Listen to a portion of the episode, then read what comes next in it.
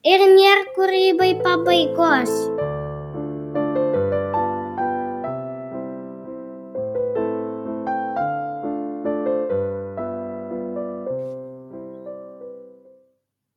Čia tinklalaidė kūrybiškiams žmonėms. Ir su jumis Rasa Sagė. Tai yra penktasis tinklalaidės epizodas, kuriame kalbėsiuosi su Sondra Simana. Jos yra įdomus ne tik vardas, bet ir visas gyvenimas. Ir visiškai neformaliai ir taip galbūt labai skambiai, bet labai natūraliai aš ją pavadinau Klaipėdos kultūros atašė. Kodėl? Jeigu kažkada tai lankėtės Klaipėdoje, kuriame nors iš iš renginių, kultūros renginių, greičiausiai būsite ją matę. Sondra ne tik puikiai jaučia Klaipėdos kultūros pulsą, bet pati kuria ir be to viso šito dar turi šeimą ir šešis vaikus. Taip kad laukia labai įdomus pokalbis apie kūrybą ir kultūrą Klaipėdoje. Ir kaip visada šis podcastas yra kelionė, taip kad mes jau pabuvom Marijampolėje, o dabar keliamės į Klaipėdą prie jūros. Na ir dar tik priminsiu, kad epizodai pasirodo kas antrą pirmadienį reguliariai ir jų galite klausyti visose podcastų klausimosi programėlėse, YouTube ir mano tinklaraštyje apie santykius.lt. Tai ką, pradedam, o šią jūrą ir mes keliamės į pokalbį su Sondra. Labas, Sondra. Sveika na pirmiausia tai noriu pra pradėti nuo tavo vardo nes man jisai toks įdomus ir toks keistas tai e, kodėl tu turi tokį keistą vardą papasakok Tai istorija turbūt tokia gal ir visai tradicinė. Mm, mama skaitė Dreizerio romaną e, Amerikoniška tragedija, e, kai manęs laukėsi ir jau važiuodama gimdyti irgi skaitė tą romaną o ten yra tokia Sondra veikėja viena. Aristokratė Sondra. Tai va, tai jinai man suteikė šitą vardą, nes tai yra skirtingas vardas negu Aleksandra, Sandra. Daugelis nori vadinti Sandra, nes nuo Aleksandros trumpinys. O Sondra yra literatūrinis vardas. Skamba iš tikrųjų labai taip prabangiai ir kartu su Sondra Simana, o Simana yra tavo pavardė tikra ar čia pseudonimas? E, tai yra trumpinys Simanaitinės, nes tai mano vyro pavardė. E, man kažkaip tai prie kūrybinių e, darbų rašyti mm, tokią mm, žmonos pavardę kažkaip nelimpa, nes atrodo kūryba, nu, kažkaip jinai atskirai, atskiri takeliai kūrybos yra negu kad šeimininio gyvenimo, buvimo mama, žmona. Tai aš todėl man kažkaip neliptų būti rašytoja Simanaitinė. Man net neskamba ir kažkaip netgi atgrasu kažkuria prasme. O aš dar taip juokais, kadangi po šešto vaiko atėjo dar emalės technika tokia papuošalus kurt, tai ten susigalvojau, kad e, mano vardas Sondra Sim, kaip emalės kurėja. Vis trumpėja. Geras. Tai va, tai toks, e, tai vis tiek man labai yra svarbu vardas, labai svarbu skambesys, tas sisi, tas toksai... Mm, nu nežinau man jisai visai mielas nors galima gi būtų ir mergautinę savo pavardę kažkur pasirašinėti bet bet kažkaip mergautinė tarsi išsitrynė jau iš mano gyvenimo O žiūrėk, norėjau paklausti tave apie šeimą, nes tu tikrai daug ką veiki, tu labai labai daug e, esi kultūros gyvenime ir vat, kaip mes tuvim prieš tai kalbėjom, tai pavyzdžiui, man asmeniškai tai yra tas vidinis konfliktas nuolatinis, kad tu tarsi atsijungi kūryboje ir tu esi visai kitam pasaulyje ir kaip tu vat pasakei apie tą pavardę, tarsi tau būtų atgrasu vadinti savo vyro pavardę, nes yra du skirtingi pasauliai - kūrybinis ir šeimos. Kaip tu tai suderini? Aišku, labai tradicinis, paprastas klausimas, bet toks aktualus visiems kūrybiškiams žmonėms turintiems šeimas. Mm, aš manau, kad tai yra iš tikrųjų moteriai, likščiol moteriai 20 amžių, 21 amžiaus pradžioje gyvenančiai, vis tik Lietuvoje gyvenančiai, tai dar nėra labai lengvas e, uždavinys. Virginia Woolf sakė, kad reikia turėti savo kambarėlį, ar ne, į kurį, kuriame tu galėtum būti savimi, rašyti. To kambarėlio Virginijos Woolf kambarėlio man irgi iš tikrųjų dažnai stinga ir aš, pavyzdžiui, kad ir vakar mastau, kad man tikrai norint parašyti tai, ką aš dabar norėčiau parašyti, e, man reikia mėnesio rezidentūros, man reikia tiesiog e, atsijungti nuo, nuo, nuo šitų visų būtinių reikalų, bet kita vertus tu suvoki, kad nu, tokios prabangos tu visiškai negali sauliaisti nes jeigu yra atostogos, tai tu turi skirti atostogas su šeima ir tai yra irgi didelis turtas, kartu keliauti, būti, džiaugtis. Tai yra visai kitas pasaulio pažinimas, kai tu draugė darai su, su vaikais ir, ir, ir su vyru. Negali paukoti atostogų, pavyzdžiui, romano rašymui. Ir tada iš tikrųjų nu, tas laiko, laiko toks suspaustumas ir laiko trūkumas, jisai, jis egzistuoja, bet pradedi galvot o jeigu tu turėtum labai daug laiko ar iš tiesų tu sugebėtum padaryti daugiau ir kokybiškiau nu turbūt gal sugebėtum vis tiek jeigu jeigu turi idėją reikia įdėti daug darbo tai šiuo metu iš tikrųjų dar kadangi pas mus ir Vitenio mama ant patalo gyvena, mes ir ją dar turim rūpintis, kaip ir toksai yra, yra tas laiko trūkumas. Negaliu paneigti ar, ar kažkaip labai optimizuoti šitos temos. O pavyzdžiui, tau taip nekilo mintis, kad jeigu turėtum visą pasaulio laiką, tarsi nieko daugiau, tik kūryba, nes kūryba jinai visada viduje, jinai dega, jinai nori išeiti, ar ne, turbūt tas jausmas, bet tarsi apsinuodytum tą kūrybą, nes būtų per daug jos, būtų tiesiog, būtų toks kažkoks išpratėjimas iki išpratėjimo, kad tu tarsi šeima tau praskėdžia tą visą tą ugnį?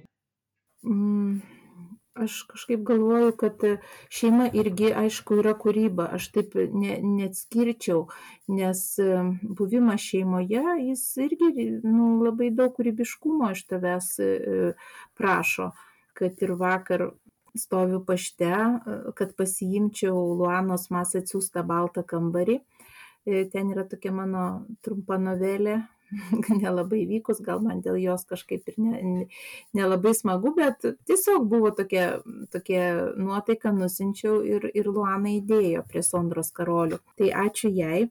Tai va, vakar stoviu pašte, dairausi, mm, bėgioju akimis po tas knygas, žurnalus, kas ten ir žiūriu Kestučio Navako vaikams knygutė ten sūrio pasakojimai kadangi Vatika buvome druskininkų poetinėme rudenyje, keturios, keturios rašytojos poetės iš Klaipėdos. Ir ten pagrindinis balsas, kuris man buvo labai svarbus ir pagrindinė tokia emocinė gal ir, ir tokia mentalinė informacija, kurią aš parsivežiau Kestučio Navako tas poetinis buvis, nes jam buvo skirtas vienas vakaras, šiek tiek video buvo paleista, kaip jisai pats skaito, paskui jo bičiuliai, draugai tarė žodį, tokį atminties žodį.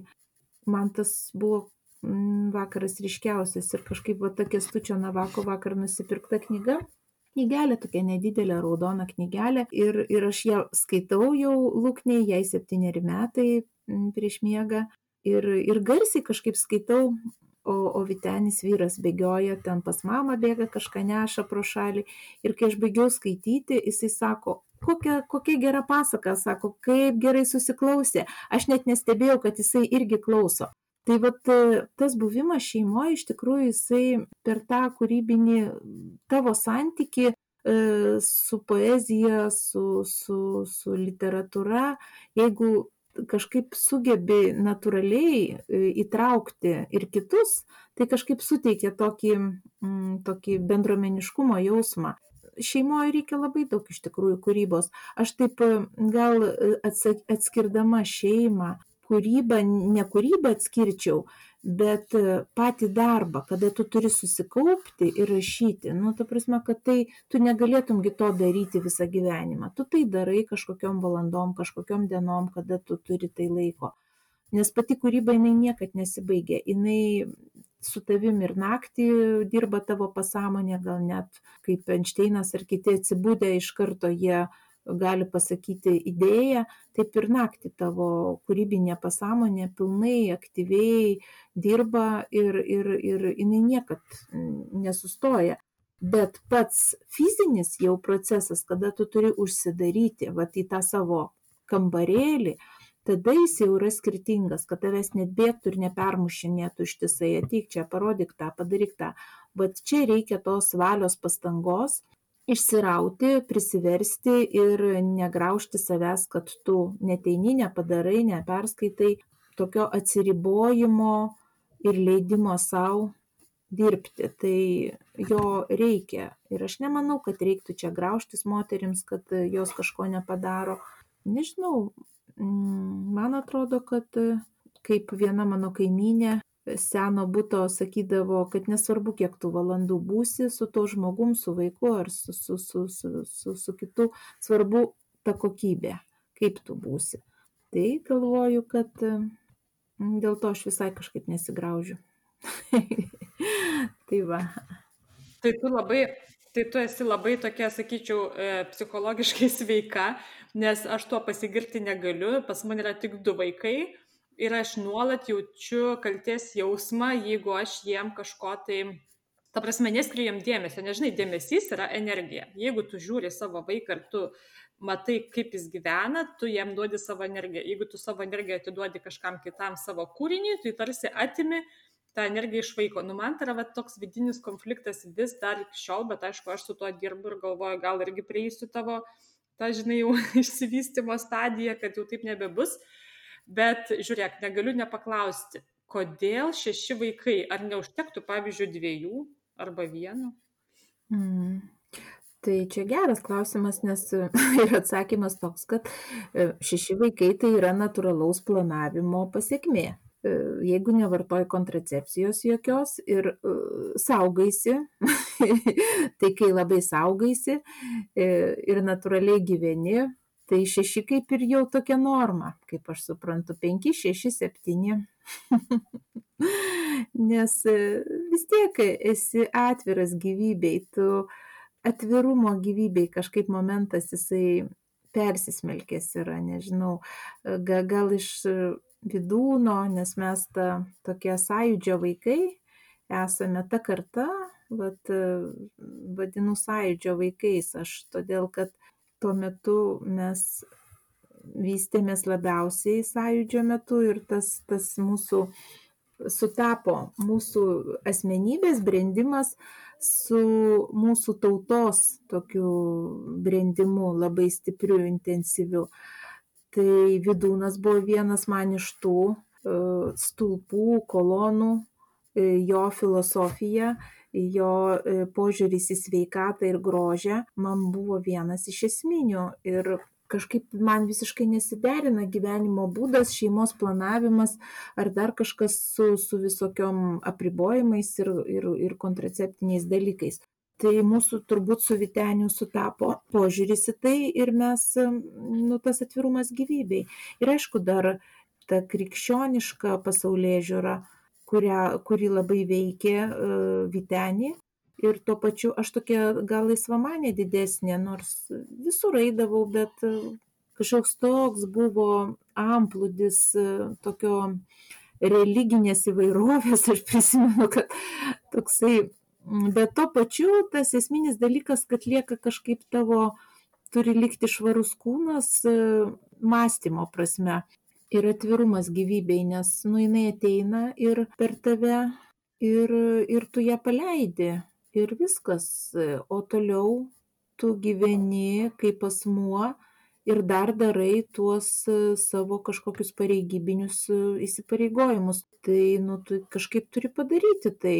Bet jeigu tu net ir nebūtum ta mama, juk tu vis tiek turėtum kažką padaryti. Tai koks skirtumas, ką tu darai? Gal tu tada dirbtum tokį darbą, kur ten senelių namuose reiktų rūpintis, daug senelių, arba Indijoje kokioje gyventum ašramė ir turėtum kažkokius dalykus.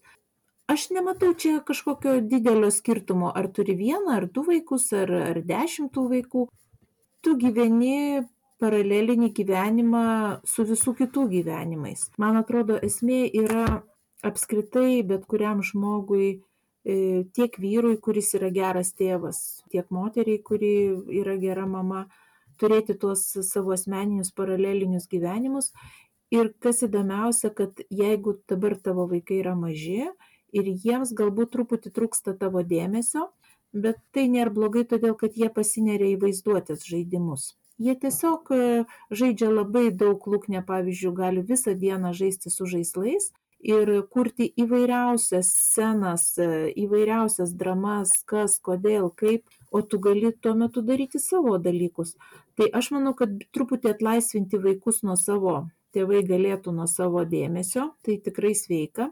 O paskui kas būna? Tai yra būna tai, kad kai tavo užauga vaikai, nes mūsų trys vaikai jau užaugę yra ir trys dar namuose, nepilnamečiai. Tai kai užauga tavo vaikai, e, jie vertina ne tai, kad tu jiem šluostai nosį ten ar, ar ten tu su jais kažkaip, bet jie vertina tavo asmenybės e, išsilavinimą, išsivystimą. Jiems yra gera, jeigu tėvai, mama ar tėtis Mm, sugeba būti tokia siekiančia didesnio tikslo asmenybė. Mhm. Nu, man tai iš tikrųjų labai rezonuoja tai, ką tu sakai, nes būtent taip ir atsitinka, kai aš nelabai daug duodu dėmesio vaikams, bent jau aš taip jaučiu, žinai, kad nelabai daug, tai nes aš savo pasaulyje tam kūrybiniam gyvenu daugiau mažiau tai jie iš tikrųjų žaidžia labai daug kūrybiškų žaidimų dviese jie tiek visko prisigalvoja ten pas juos ten pasauliai statosi ir ir ten jie niekada jiem neatsibosta tą tą daryti ir iš tikrųjų tas toks kaip čia pasakyt ne tai kad pagarba bet tas toks pasididžiavimas kad mano mama rašo knygas irgi tas iš tikrųjų yra tai labai labai ačiū tau šitą pasakymą, kad taip yra, kad iš tikrųjų tėvai, vaikai galbūt daugiau žiūri žmogų, į tėvą kaip į žmogų ir į mamą, negu kaip į tą vat, globėją, kad tu man turi paduoti, tu man turi padaryti, tu turi su manim žaisti ir taip toliau. Tai, tai labai ačiū tau už tai. O žiūrėk, kai aš dabar e, tave googlinau ir žiūrėjau, ką tu veiki, tai man iš, taip išsikristalizavo tokie trys žodžiai iš tavo veiklos. Tai yra laisvė, drąsa ir autentiškumas. Klausimo pabaiga. Kažkur esi pasakiusi, o gal ne tu pasakiusi apie tavo kūrinį, bet man atrodo, kad tu esi pasakiusi, kad menas reprodukuoja save, bet neišlaisvina. Tai koks yra tavo santykis su menu asmeninis? Menas nu, yra tokia plati savo, kažkaip gal kaip ir sakiau, kad e, meninis santykis man su viskuo yra. Su mano apranga, su maistu, su savo darbo stalu. Man kažkaip viskas viskas yra svarbu. Su dulkėmis su kaip bus kas pakabinta. Tai bet jeigu tą grynąjį tikrąjį meną tai kažkaip aš esu vilnietė vat klaipėdoj jau senai gyvenu bet būdama vilniuje gyvendama kažkaip nu vartojau nuo pat turbūt jau savo sąmoningo tokio gyvenimo nuo pat mokyklos vartoju meną kaip vartotoja eidavau ten nežinau per savaitę ten vos ne tris kartus į spektaklius visus jaunimo teatras gi rodė labai stiprius spektaklius. Tada parduodavo stovimus bilietus lengvai tai žiūrėjau visko labai daug. Aš galvoju gal kaip aš dabar sakau, kad aš uostau knygas, nes jų tikrai labai daug ir nu, mano stalas dabar yra nukrautas, nežinau, iš visų pusių aš jau esu apsirėminus knygomis. Aš jau nesugebu jų, jų kažkaip labai dėmiai, nes mėgstu mėgauti skaitimu, tai yra lietai skaityti. Aš praktikuoju lietai skaitimą, todėl nu kaip pati supranti tai neįmanoma e, daug perskaityt to, tokiu būdu knygų. Kai mokiausi universitete, studijavau literatūrologiją, lietuvių kalbą, etno, etnologiją, tai aišku, galima skaityti ten labai greitai, ten kokias e, antikinės dramas, kai ten reikia atsiskaityti ar ten dar kažką taip staigiai, staigiai ten gali per dieną tą knygą perskaityti, tarsi žinosi tą turinį ir, ir, ir ten galėsi papasakoti. Bet mm, santykis mano su menu tas vartojimo prasme tai yra mąstymo kanalas, emocinio pagavimo kanalas, parodos, eini žiūri parodas, kažkaip jas savo vidui kažkokiu būdu tokiu ne visai gal loginiu analizuoji, bet, bet, bet vyksta tas analizės toks procesas. Tai aš, var, aš esu tikrai tokia uoli meno vartotoja. Aš galiu kiekvieną dieną eiti į spektaklį, į parodą, į knygos pristatymą. Ir tai man yra kaip kvepavimas, nes nu, daugelis stebisi, sako, nu, kaip, kaip tu taip gali, tu ką nepersisotini, tu kažkokia tai, aš nežinau, gal aš įgyjau tą imunitetą kažkokį iš Vilniaus, nu, tokio miestietiško gyvenimo, kada tau yra natūralu eiti kiekvieną dieną ir, ir, ir, ir nu, vartoti, domėtis, žiūrėti. Tai nežinau, aš, aš, aš esu toks intensyvus meno vartotojas, sakyčiau. O tavo pačios menas, tu irgi rašai, tu kuri papasako, ką tu veiki kaip menininkė, nes e, tikrai tu žinau, kad labai daug visko veiki, bet aš tik tai žinau, kad tu parašai dvi knygas ir papasakok apie savo, tu kaip vartotoja meno ir apie savo kūrybą. Knygos, abi knygos e, gimė iš stokos, turbūt iš kažkokio tokio mm, nepasitenkinimo, kažkokio skausmo. Pirma knyga einantis kalnas, tai yra apie santykių su viena draugė ir jos istorija gyvenimo papasakota. Paskui aišku aš ją ten perkeičiau ir ir rašydama aš leidžiu sau toli nueiti nuo nuo to kas man buvo papasakota. Tačiau visi tą žmogų atpažįsta kas pažįsta aišku tą mūsų bendrą draugę. Aš tokiais momentais kai yra prototipai labai aiškus sau turiu e, nuspręsti kiek aš esu atvira ir kiek aš esu norinti paslėpti tą tikrą situaciją, kokia jinai yra ir tą visą konkuliuojančią versmę, iš ko man kyla rašymas. Tai aišku, aš lavir, laviruoju tarp to, nes taip apsinogint man visai nepatinka, man patinka ir sluoksniai drabužių, begalę sluoksnių ant savęs galiu apsirengti, toks kaip senoviai moteris rengdavosi kokius šešis sijonus ar ne. Tai man patinka tas drabužių ir kažkaip dar nesenai Benašarka Bukovskis skaitė Hofe tokioje mūsų kaviniai Ir, Buko, ir sako, ir Bukovskis sako, man patinka apsirengusios moteris. Aš galvoju, va, tai fainai, man, nu čia jis turi aišku omeny tą stipriai erotinį tokį, gal to, to, tokį išgyvenimą, bet viskas susisėja, ta erotika ir skonis gyvenimo, viskas kažkaip sueina ir su drabužiais, ir su, su, su, su, su knygom į svogūno lukštus sukimasis, kaip yra pirmojoje knygoje, šitas yra stiprus įvaizdis, tai yra, kad aš lupu nuo savęs, kai aš esu kaip svogūnas lupantis nuo savęs ir tie tokie traškus lukštai pikiruodami krenta žemyn, gulasi tokios, tokiais, reiškia, sluoksniais. Ir, ir kiek tu benusirenginėtum tų svogūnų lukštų, jie vis tiek yra. Kas įdomu, kad jie nesibaigiantis pakol kas, kad aš niekur atvirai nieko neišsakau, žinodama, kas yra atvirumas ir propaguodama autentiškumą, kaip tu pasakėjai, ir atvirumą, aš vis tik pasilieku visiškam šešėlyje. Tai, nu, toks įdomus jausmas to, bet man tai ir yra tas paslaptingumas, įdomumas, E, gal, gal ta tokia labai tiesioginė išsakymas, toks e, romantiškas, man nebūdingas. Man daugiau artimiau yra toks ironiškas, groteskiškas kalbėjimas, perkeltinės prasmės, e, asociacijų toks pasaulis. Tai va tos, ta viena knyga gimė iš stokos žmogiškos tokio suvokimo, m, kai tu suvoki, kad net tavo artimiausi žmonės vis tiek tu su jais esi šviesmečiais toli nuo visų ir net nuo tų, su kuriais tu įsivaizduoji, kad jie galėtų tave suprasti ir yra artimi, kad vis tiek tai yra neįmanoma būti su kitu žmogum artimam santykiai su supratimo vienas kito. Tai va iš tokios gėlos šitas, šita knyga einantis kalnas, tai kita einantis kalnas dar įvaizdis nešios moters. Tai yra moters prieš gimdymą jau mm, kokiu ten jau 8-9 mėnesių, kai jinai atrodo, kad jinai, kaip jinai iš vis gali vaikščioti su tokiu dideliu priešaky tokiu kalnu. Ta knyga, o antra knyga iš Kamšų kontoro, tai yra irgi iš stokos autentiškos kultūros gimusi knyga, kaip reakcija, kai Klaipėda kovojo su Kaunu dėl Europos kultūros sostinė vardo ir mes žinome, kad 22 metais Europos kultūros sostinė bus Kaunas. Tai šita knyga gimė būtent iš to, kad kultūra tampa kaip iškamšų gaminimo meistrystė. Toksai reprodukavimas, jisai praranda tokias gyvybinės formas ir jisai labai puikiai imituoja kultūrinę gyvybę, tačiau iš tikrųjų tos gyvybės nebėra. Tai va, tai, tai irgi iš tokios kultūrinės stokos antra knyga gimė.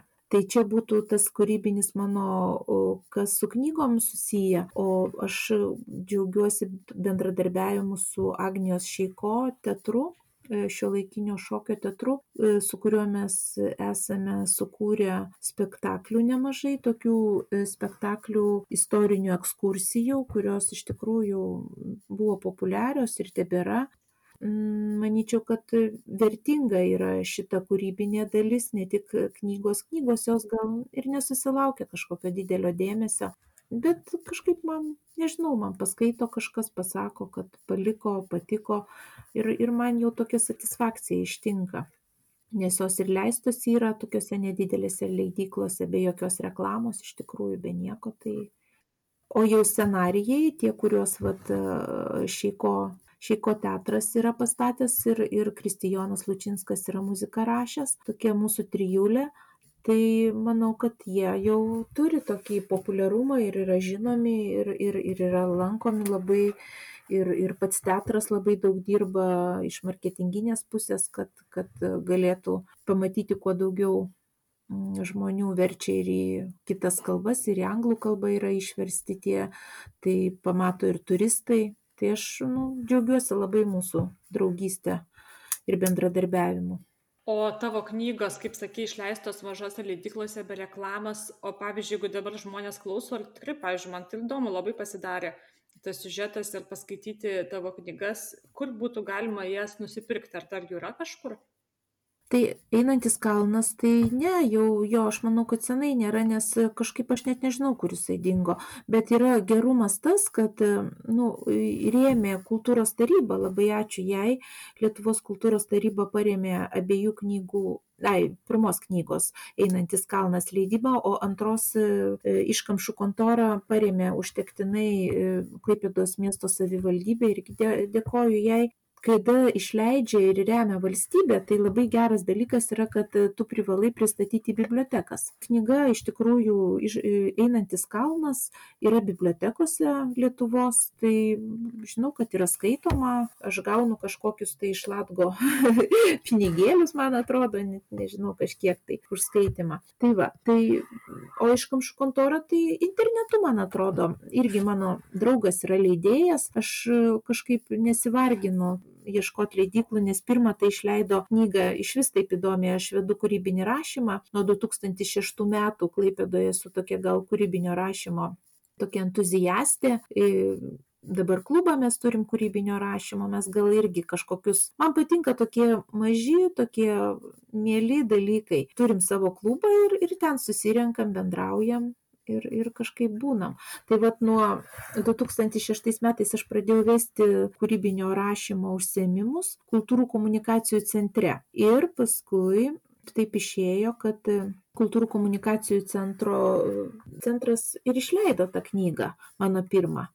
Tai vad man visai buvo gal tas, nu, jie iš vis net neplatino turbūt jos, jinai išėjo ir išėjo. Aš net nežinau, kur jinai iš tikrųjų. E, kažkaip įdomiai. Abiejų knygų labai geras dizaineris, kas irgi man labai smagu, tai Gytis Kudžinskas, tai iš tikrųjų jo toksai minimalistinis žvilgsnis, toks švarus labai dizainas papuošė knygas.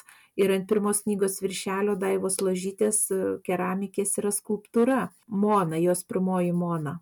tai jinai tarsi išeina į gatvę. Taip, taip gyčio, gyčio prašiau tokios idėjos ir jisai labai gražiai viską sudėliojo. Tai man labai svarbu knygos viršelis, kaip tu ją įimi, kaip jinai tavo rankose, kaip, nu, man, tas, man, man labai tas yra svarbu. Tai va, Tai pasisekė su, su, su abiem knygom, o iš kamšų kontoroje dargi yra Treigio, mūsų fotografo klaipėdiečio Remigijaus Treigio fotografijos. Jisai kūrė specialiai iš kamšų kontorai, nes aš jo paprašiau bendradarbiauti, jisai paskaitė ir, ir, ir sako, gerai, visai gal įdomiai, ta klaipėdos tokia tokia antiutopinis tas vaizdas, tas visiškai tuščias, toks išrėtėjęs mm, oras, man jo fotografijos tokios ir yra, jome visiškai tu nesupranti, kas tai yra, tai yra viskas ir niekas viename. Man tiesiog labai reikėjo tokio, tokio vaizdo. Va, ir Remigijus ten sukūrė virš 30 fotografijų ir jos yra įdėtos į knygą. Man, man, man tai yra labai tokie brangus kūrybiniai susitikimai, kada tu susitinki va toj kitoj erdvėj, tokioj mūsų paraleliniai tikroviai. Tai tos, to tiek apie tas knygas. Ir dar tu su, suorganizavai čia visai nesenai, turbūt čia vasarą, Klaipėdos bohemą, ne, parodyt norėjai, kaip, kaip ten ta idėja kilo, būtent kodėl Klaipėdos bohema ir kas iš to. Taip, tai iš tikrųjų mm, aš bendraudama su žmonėm atvažiavusi Klaipėdą gyventi, po truputį taip pažindama žmonės, žiūrėdama, stebėdama juos, apčiopiau, kad jie turi tokias labai įdomias istorijas ir dirbdama su klaipėdos skulptūrų parku mažosios lietuvos istorijos muziejuje atsakinga už šį parką moderniosios skulptūros devinto dešimtmečio profesionalų skulptorių kurtos formos. To parko iniciatorius buvo Alfonsas Žalys, tuometinis vykdomo komiteto pirmininkas, kurio iniciatyva ir atvažiavo, atvyko į Klaipėdą gyventi daugelis įdomių menininkų, su kuriais aš dabar bendrauju. Ir besiklausydama jų istorijų, kažkaip stebėdama e, kavinės bohemą, tokį daugelio ilgesi, kad vad kokia buvo legendinė kavinė, tetrabaris, kokia, kokia legendinė kavinė, kaip mes čia visi gyvenom, pupelė dar tokia buvo.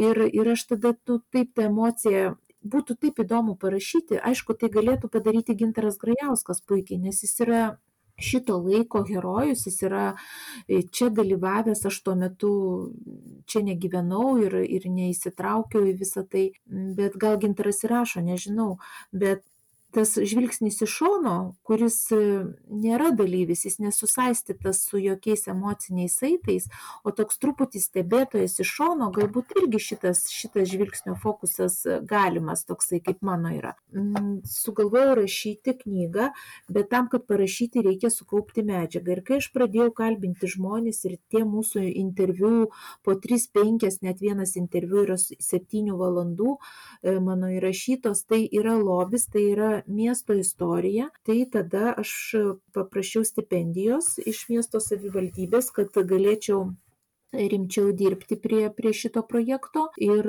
gavau tą stipendiją metams, tai man buvo iš tikrųjų irgi nu, didelis, didelis paskata, palaikymas, nes nu, kai tavęs mažiau riboja pinigai, tu truputį esi laisvesnis, tu tiesiog laisviau kvepuoji. Tada surengėme parodą su kultūrų komunikacijų centru ir, ir Arūnas Marčiauskas irgi to laiko toks poetas herojus prisidėjo, tai daug žmonių iš tikrųjų prisidėjo, įsitraukė. Tai va, tai buvo tokia, tokia paroda iš fotografijų, aš skanavau virš tūkstančių, turbūt esu nuskanavus dabar fotografijų iš, iš to laikmečio, tai yra 85, 2000 e, metai, bet aš jau išeinu už ribos ir 80 metai ir 2004, 5, bet jeigu apsibrėžiant, tai būtų 15 metų, 85 ir, ir iki 2000-ųjų. Klaipėdos bohema, kas čia vyko, kokie procesai, kokie žmonės, kokios idėjos. Tai va, tai ta paroda tokia galbūt jinai nebuvo tokia visai apibendrinanti tuos procesus daugiau gal tokia pristatanti ir norėjusi ištraukti tuos menininkus, kurie yra pamiršti, kurie mirė, yra, kurių jau nebėra, nes ir, kaip žinome, tuo metu narkotikų visas verslas labai klestėjo ir kaip Vilniečiai sako, nu, jeigu reikia, jau tuo metu reikia, mums reikėjo kam nors narkotikų 90 metais, visi galėjo važiuoti Klaipėdą ir čia laisvai jų įsigyti. Tai va, tai tas, tas dalykas, alkoholizmas iš tikrųjų nusinešė la, la, labai tokių talentingų žmonių likimus ir tas pats Raimondas Urbonas, kuris nuskendo tuo metu naktį, kai aš gimdžiau e, Augvilę, jisai tuo metu nuskendo. Tai man irgi toks asmeninis santykis ir su jo kūryba, ir su jo asmeniu. Atsiranda tokių labai asmeniškų e, ženklų, kurie leidžia tau, duoda tokią kaip ir moralinę teisę artintis prie to laiko, apnuoginti tą laiką ir labai jautriai tiesiog mamos, kurios palaidoja yra savo vaikus ir jos tau pasakoja ir, ir, ir, ir, ir tu jauti tą labai didelę atsakomybę, kad kažkaip, bet kartu turi ir sažiningai tai padaryti. Tai, nu tai va, tai čia mano būtų kaip ir ateinančių metų uždavinys surasti laiką, e, laiką iš, išsirauti, perklausyti virš šimto tų įrašų, kuriuos esu padariusi su įvairiais žmonėm. E, šimto valandų tenais yra virš, virš turbūt stipriai. E, atrinkti vaizdinius, e, sukurti charakterius, sukurti aplinkybės, dramas, įtampas ir tuo pačiu atitrūkti realiai, nes aš vis tiek darau literatūrą, aš nedarau dokumentinės medžiagos ir vis tiek atitrūkus nuo to sukurti tą belaikišką pasaulį iš Klaipėdos 90-10 gyvenimo. Nežinau kodėl, bet man toks įvaizdis, kad e, būtent tos bohemos gyvenimas tai yra, tai yra visiška vientisa kančia. Žiūrėk, tas visas alkoholis, narkotikai, tas saviraiškos toks kaip ir stabdymas ir taip toliau, ir taip toliau. Nu, toksai sunkus ir sunki emociškai tema tokia gaida ar tu taip pat jauti, ar tu matai ten daug šviesos?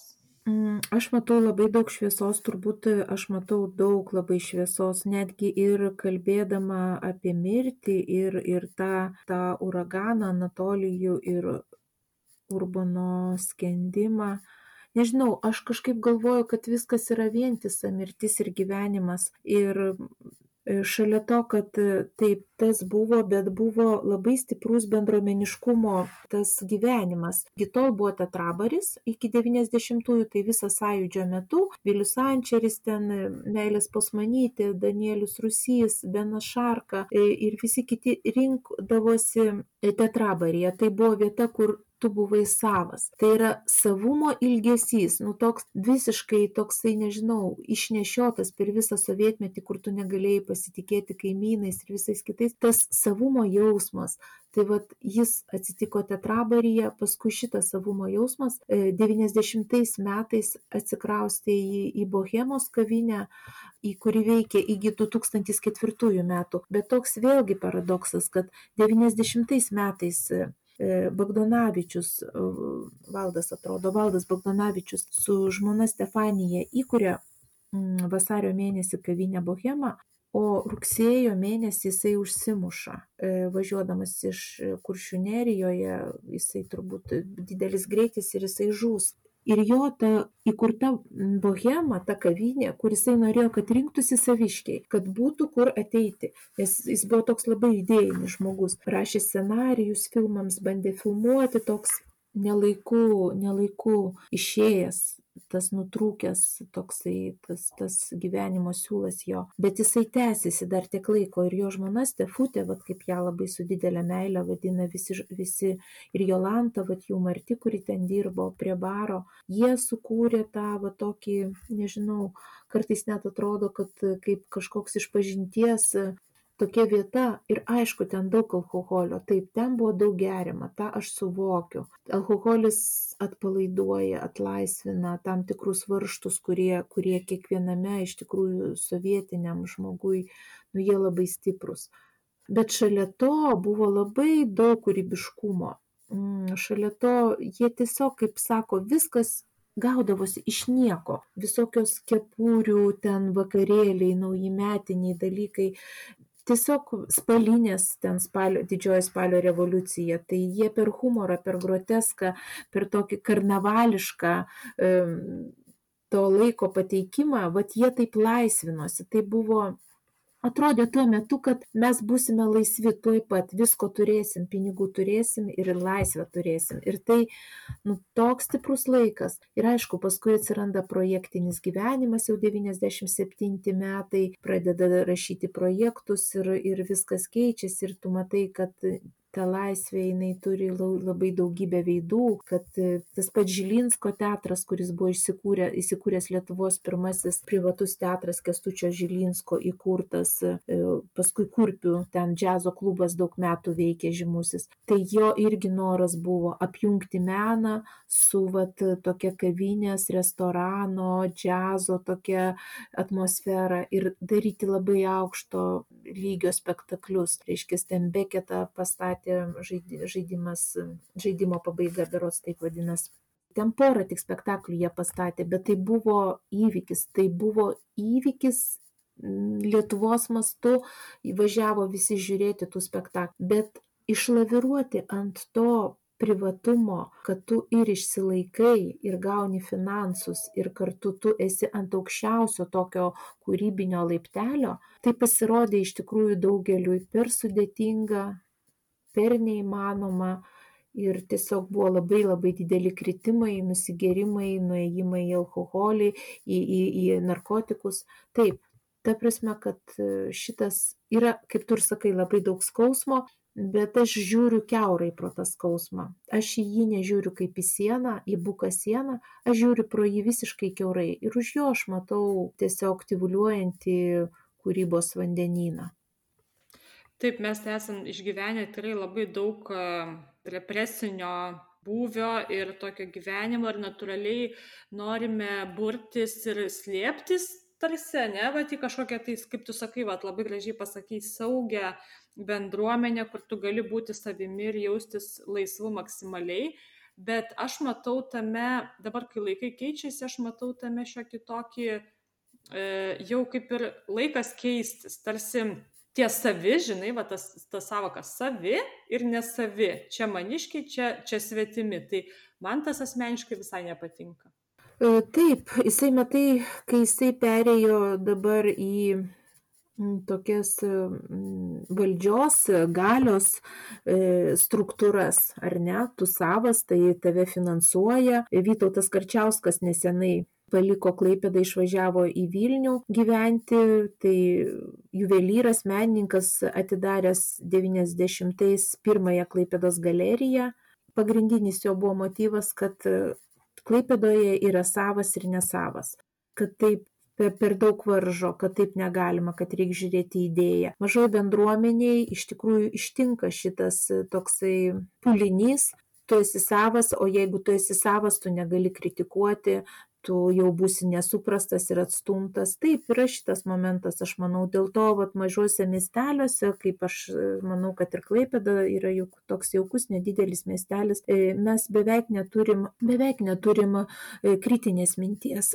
Nes jeigu e, kažkas kažką atsiliepia apie kitą kad ir ne iš blogos valios ta prasme visiškai nenorėdamas žeminti bet pačią idėją norėdamas aptarti ir pažiūrėti iš tokios kritinės distancijos jis atsiduria tokiam užribį bet tai nėra sveika atmosfera. Aš manau kad mes turime mokintis ir aš pati ir bet kuris kitas turime mokintis priimti kritiką ir yra būtinybė. Bet dabar norisi pereiti dar prie to apibendrinimo kad mes vis tik esam kaip gerai valdas papievis knygų mugėje klaipėdos knygų mugėj spalio pradžioj kurią mes čia turėjom jis buvo atvykęs. Ir kai jo paklausė kai jis dabar jau pristatinėja Paryžiuje savo knygas, Prancūzijoje jau yra išversta viena ir antra jau baigiama versti. Tai kai jį pristatinėja prancūziškai auditorijai, jo neklausė, sakė apie šaknis, apie kas ten iš kur jisai.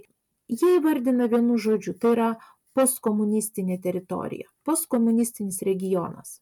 Ir galbūt tai galėtų žaisti, ar ne, bet aš pagalvoju, kad tai labai tikslus apibūdinimas. Mes gyvename dar komunistinėje, tik postkomunistinėje visuomenėje. Pasižiūri E, yra tikrai didžiulis kultas visur direktorių.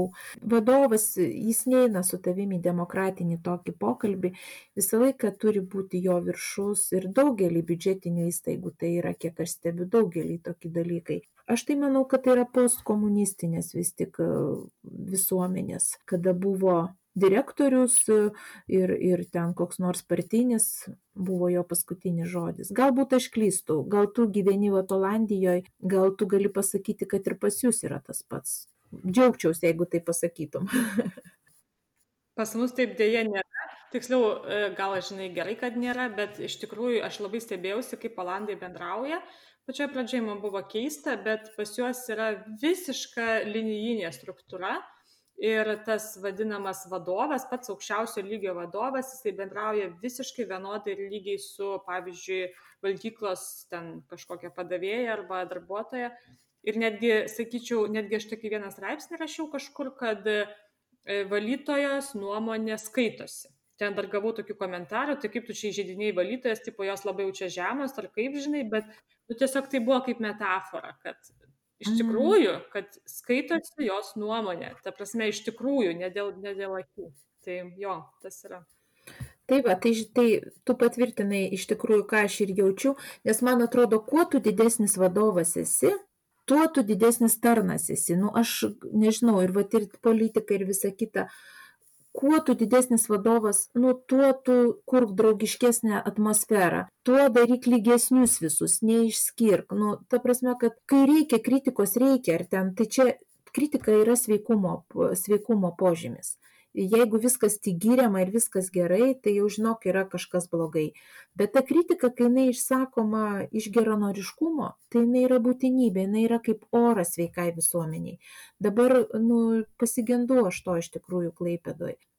Tai, tai va, tai todėl kažkaip tas papievio tas pasakymas, kaip prancūzai apibūdina mūsų regioną, jisai, man atrodo, ganėtinai tikslus o sondra jeigu pavyzdžiui mūsų klauso žmogus iš klaipėdos kuris labai nori dalyvauti rašyti e, lankyti kūrybinius rašymo kursus arba e, kažkiek tai vat su tavim susisiekti arba su tavim draugauti arba jam labai įdom, įdomios tavo mintis, nori tau parašyti, kur būtų galima tave surasti, nes e, šiaip tai tu nesi toks viešas žmogus, tave, tave taip nėra paprasta išroj surasti, galbūt tik tai per Facebook, ar ne? E, tai taip, e, per Facebooką galima man parašyti Sondra Simana, yra tas Simana, aš Simana kirčiuoju, nors tu Simana sakai. E, tai per Facebooką aš visą laiką sureaguoju, atsakau, nes nu, aš Facebooką tikrai naudoju ne kaip asmeniniams dalykams, o kaip kultūrinių reiškinių viešinimui. Ir vienu metu intensyviai rašiau nemažai metų kultūrinės apžvalgas Klaipėdos, bet šiek tiek dabar nu, tiesiog nebeturiu laiko, nors daug lankau visko, bet kadangi daugiau turiu ir į kitus puslapius kažką pranešinėti, tai tiesiog jau miego sąskaitą nebegaliu sauliaisti naktimis dar rašyti ir, ir, ir tuos e, kultūrinės apžvalgas. Tai šiuo metu tiesiog taip yra, bet tokia treniruotė visada labai gerai. Renginys praėjo ir tu tokie emocinį perteiki, tai labai sveika toks dalykas.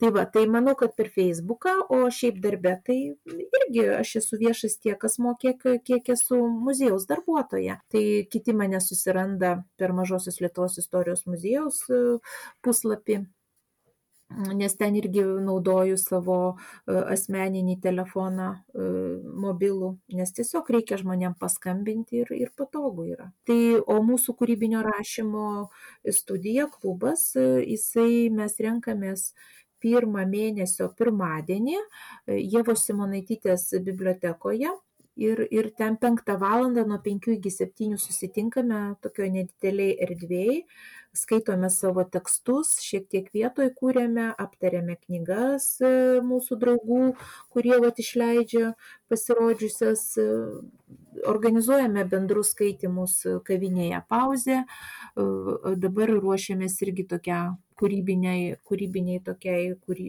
stovyklėliai nedideliai savaitgalio smiltinėje. Tai tiesiog kaip žmonės nori, taip mes kartu susitarėm. Tai yra toks neformalus, visiškai bendravimas. Manau, kad jisai palieka savo pėdsaką, nes kažkas parašo eilėraštį po susitikimo, kažkas novelę, kažkok, nu, vis tiek visur nusėda tą, ką mes sumastome per mūsų susitikimus, paskui galima pilnai panaudoti savo kūryboje. Na ir paskutinis galbūt toks jau klausimas arba toks kaip ir e, prašymas pasakyk, ką nors pabaigai. Iš apibendrinimo galbūt mūsų šito pokalbio ar gal kokį palinkėjimą ar patarimą. Palinkėjimą, tai žinai, aš esu atsivertus dabar savo užrašus ir žiūriu, mm, kažkam ruošiausi čia ir e, turbūt Vaidas Jauniškis rašė apie e, nekrošiaus spektaklį metus metai pagal Donelaitį. Tai jo buvo sakinys žiūrėjimas iš arti ir iš toli vienu metu. Tai yra sąmonės žvilgsnis. Tai mano būtų palinkėjimas e, kiekvienam mūsų žiūrėti e, į viską, į, į COVID situaciją, į savo darbo situaciją, į savo šeimos situaciją, e, sąmonės žvilgsniu. Tai yra iš arti matyti, tai yra jausti ir tą jautrumą, nes jeigu tu to iš toli žiūri, tu prarandi jautrumą e, ir tokį, tokį išskirtinumą. Tas viskas susiniveliuoja labiau, ar ne? Tai, tai išlaikyti tą jautrumą iš arti ir tuo pačiu iš toli tai yra perspektyva. Tai matyti vakar, šiandien ir rytoj. Matyti vientisumą, kaip aš tau sakiau, kad man kažkaip mirtis ir gyvenimas, kažkaip jie labai man panašus. Tie veidai, antikiniai veidai, žinai, kai yra e, vienoje pusėje mirtis, kitoje gyvenimas ir jie mainosi, tai mm, tas žvilgsnis iš toli, jisai būtent fokusuoja tokią perspektyvą, kuri tarsi suveria tavo žvilgsnį vakar, šiandien ir rytoj tai toks vat būtų mano palinkėjimas ir sau pačiai ir tau ir ir ir ir tai būtų galbūt vat nuo ko mes ir pradėjom nuo vaikų ir nuo nuo bandymo atrasti sau laiko mm, Bet jeigu tu žiūri savo vaikus jau perspektyvos žvilgsnių, kaip aš jau ir kalbėjau, tada tu pamatai, kur vertybiškai susidėlioja kaip laikas, kaip tu jį gali išbalansuoti tą laiką. Tai va.